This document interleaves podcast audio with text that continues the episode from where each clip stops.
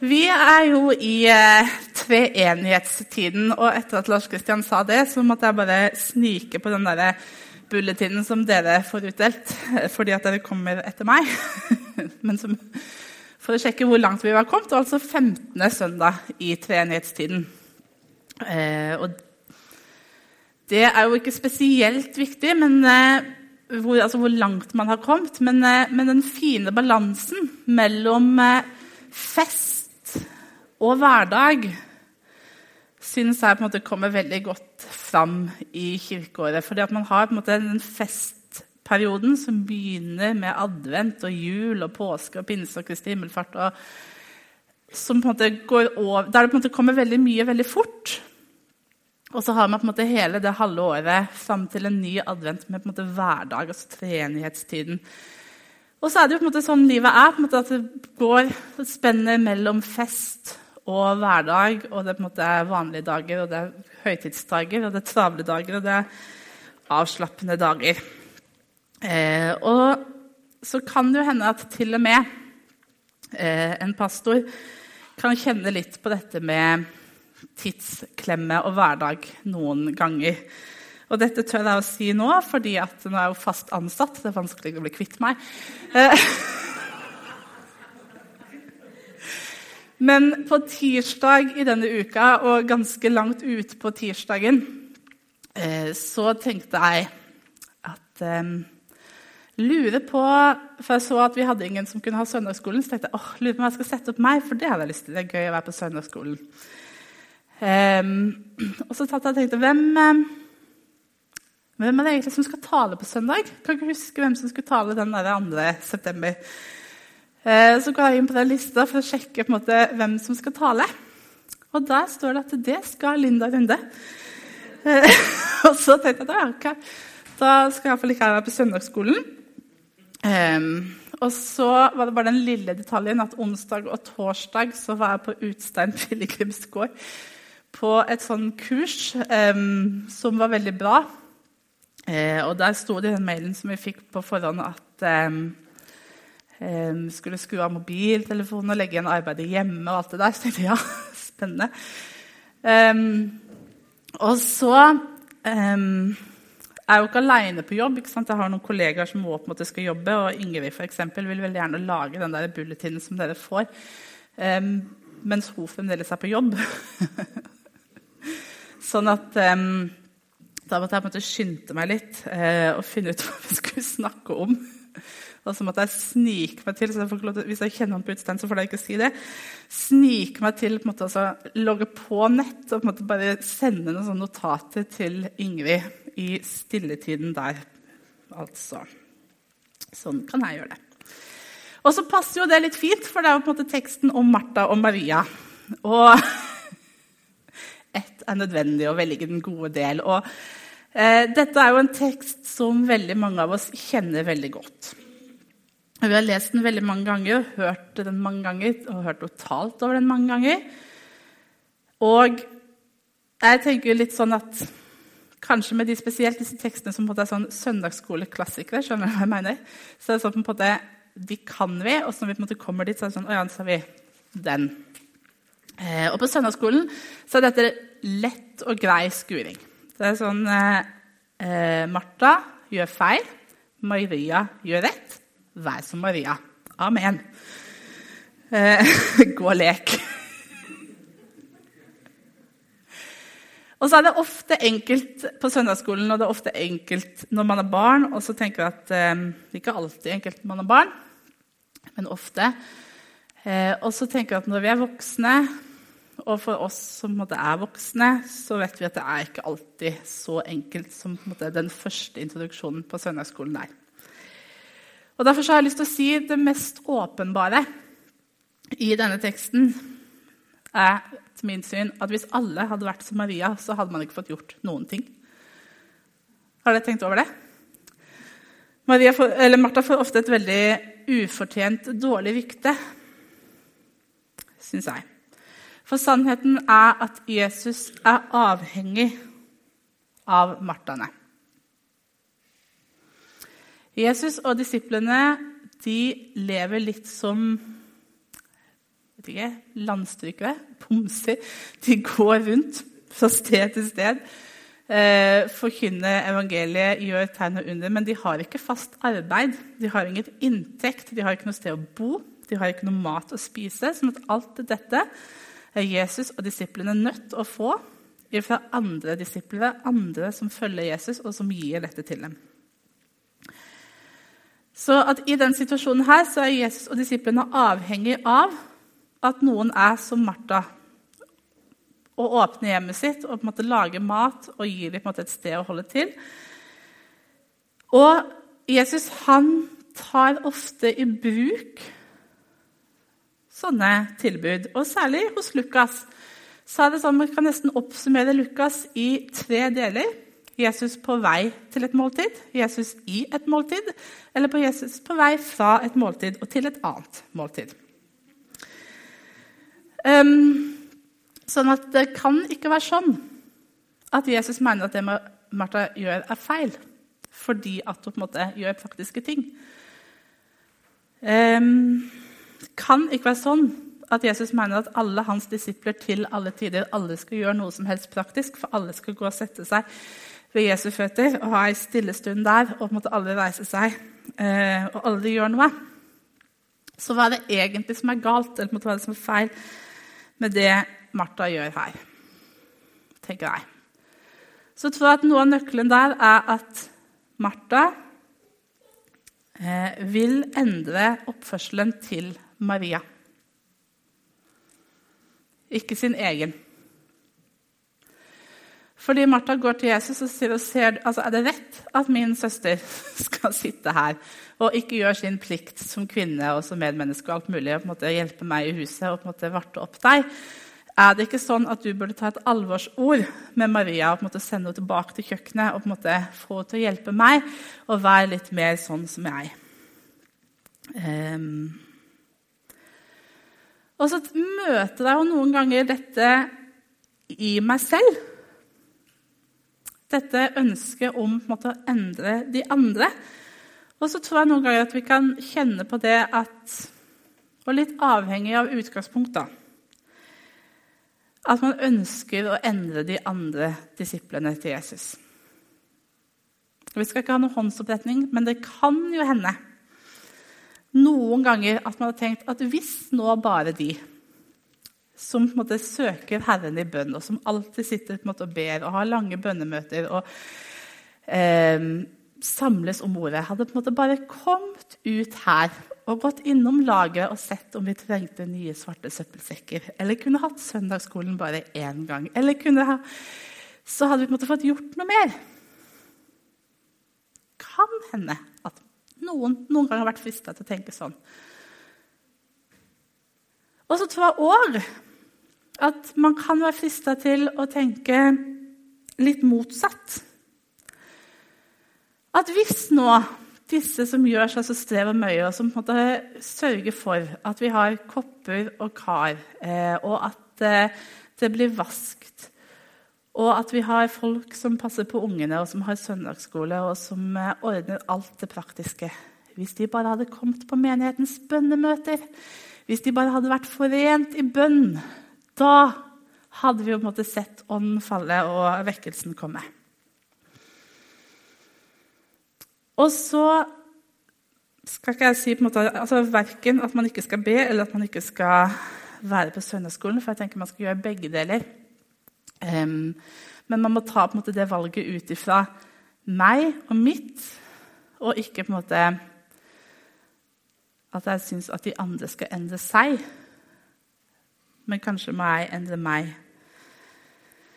Fordi at jeg tror det handler både om respekt og anerkjennelse for de andre. At vi er på forskjellige steder i livet og forskjellige steder i måte, troen vår og i vandringen vår med Jesus. Sånn at Noen ganger så er det godt for oss å gjøre det ene, og noen ganger er det godt for oss og viktig for oss å gjøre det andre. Og så må vi på en måte, som menighet og som fellesskap gi hverandre rom til det. Å være ulike og på ulikt sted. Så det er det ene. Og for det andre så tror jeg òg at det er et slags symptom på at vi tar på oss Guds ansvar. Skulle Gud være avhengig av eh, at vi jobber og arbeider og på en måte produserer noe? Eller skulle Gud være avhengig av at vi ber mer? Eh, for jeg tenker at det er Gud som er menighetens herre. Det er han som gir vekst, og vi kan få lov til å være med og arbeide. Men vi må ikke tro noen gang at det er vårt ansvar. At det er vi som må skape dette på et eller annet vis. Så Derfor tror jeg at Martha sin største utfordringer er at hun vil skape endring hos den andre og ikke forholde seg til måte, hvor hun sjøl er. Marias problem. Martha hadde jo ikke dette problemet. Um, og så har jeg tenkt på dette med hvem kjenner vi oss igjen i? Martha eller Maria? Eller i begge? Og er det sånn at vi tenker at det er mer rett å kjenne oss igjen i den ene og ikke i den andre? Um, jeg tror noen ganger at vi kan kjenne på sånne forventninger eh, om å være en annen, eller på, være på et annet sted enn der vi faktisk er. Jeg, for eksempel, kan det. og dette syns jeg er et godt eksempel. Fordi Torleif Bruseland som er pastor på Bryne. Jeg har fortalt dette til han, så det er antagelig greit at jeg forteller det til dere. Han er i mitt hode eh, på en måte en sånn, sånn slags sånn superpastoral pastor. Sant? Um, sånn at Veldig ofte så kan jeg kjenne på at jeg kommer litt til kort i forhold til Torleif når det på en måte gjelder å, eh, å være pastoral. Og det er ikke alltid jeg vet måte, helt hva det innebærer, men det er et veldig godt eksempel. og det er på en måte at Ofte spør jeg han om råd om alt mulig. eh, og da sender jeg ofte en mail. Eh, og da er det ofte sånn at når jeg sender mail til Torleif, så skriver jeg 'Hei, Torleif, jeg lurer på' Og så kommer et spørsmål. Hilsen Linda. Og så går det kanskje en halv dag, og så får jeg svar fra Torleif. Og så er det sånn 'Kjære, gode Linda. Takk for hyggelig mail, og takk for sist.' Du, når det gjelder det du spør om, så bla, bla, bla ønsker deg alt godt og Guds rike velsignelse over dagen og tjenesten og liv og evigheten. Og så tenker jeg ja, sant. Se der, ja. Eh, det hadde jeg òg ment å skrive hvis jeg hadde bare tenkt meg med i sånn to sekunder. Og så får jeg nesten lyst til å skrive ja, Gud velsigne deg òg, da. Um, Og så er jo dette bare tull, altså det er ikke så viktig hva man skriver til Torleif i en mail. Det, han lever greit med det, og egentlig jeg òg. Men noen ganger er det på en måte mer alvorlig dette med at vi kjenner på en sånn forventning om at man burde være en annen. Eller burde være på et annet sted enn der vi er. Og Noen ganger så tror jeg at det handler om at jeg ønsker det. At um, jeg skulle ønske at jeg tenkte annerledes, eller på en måte følte annerledes enn det som jeg gjør akkurat nå. Og andre ganger så tror jeg det handler litt om at man tror at andre har den forventningen. Altså At andre skulle egentlig ønske litt. Kanskje Torleif sitter der ute på byen og så tenker han, åh, skulle ønske at Linda var litt hyggelig når skal skrev mail til meg. Um, og så tror jeg at dypest sett at noen ganger så kan det også være sånn at vi eh, opplever at Gud skulle ønske at jeg var annerledes. Og at i møte med denne teksten eksempel, så um, kan hende at vi tenker at Jesus vil sikkert at jeg skulle være mer som Maria. Og så stemmer jo ikke det. Fordi at eh, Jesus møter alltid mennesker der de er, og ut ifra sånn som de har det. Um, men det er på en måte jeg som kan kjempe med den der forventningen om at ting burde vært annerledes. Eh, og i høst, tror jeg det var, eh, så snakket jeg med, Anne Mai, som er min mentor. Eh, og da snakket vi mye om det her, for jeg kjente veldig mye på forventninger både i meg sjøl og andre eh, om måte, at ting skulle være annerledes. Og så sendte hun meg et sitat som egentlig er fra Gardermoen, på, altså nede i gulvet i enten ankomst- eller avgangshallen, um, hvor det står at Is this where you are? If not, go to where you are, and I will meet you there. Altså, er dette der du er? Hvis ikke, gå dit du er, og så møter jeg deg. Og så tror jeg at det eh, er på en måte det Gud ofte vil si inn i vår situasjon. Altså, Er det her du er virkelig? Er det sånn du tenker? Er det på en måte her du er? Hvis ikke, så gå dit du er, og så møter jeg deg. Vær ærlig med livet ditt og omstendighetene dine, og så kan vi snakkes.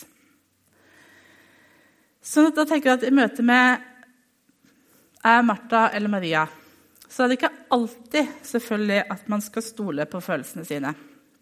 Eh, men veldig ofte så gir følelser oss informasjon om vi egentlig, hvor vi er, og hvordan vi egentlig har det. Og hvis man jobber mye og er aktiv og gjør mye praktisk fordi at man har lyst, og fordi at man har lyst til å gi noe tilbake til Gud, fordi at man på en måte er i et sted som er fred At på en måte det er utgangspunktet av magefølelsen. Så tror jeg at vi skal noen ganger bare stole på det. Eh, for at Gud er en fredens gud. Og hvis man har fred, måte, så er det ofte fint og rett. Og da tenker jeg gå og tjen Gud med glede.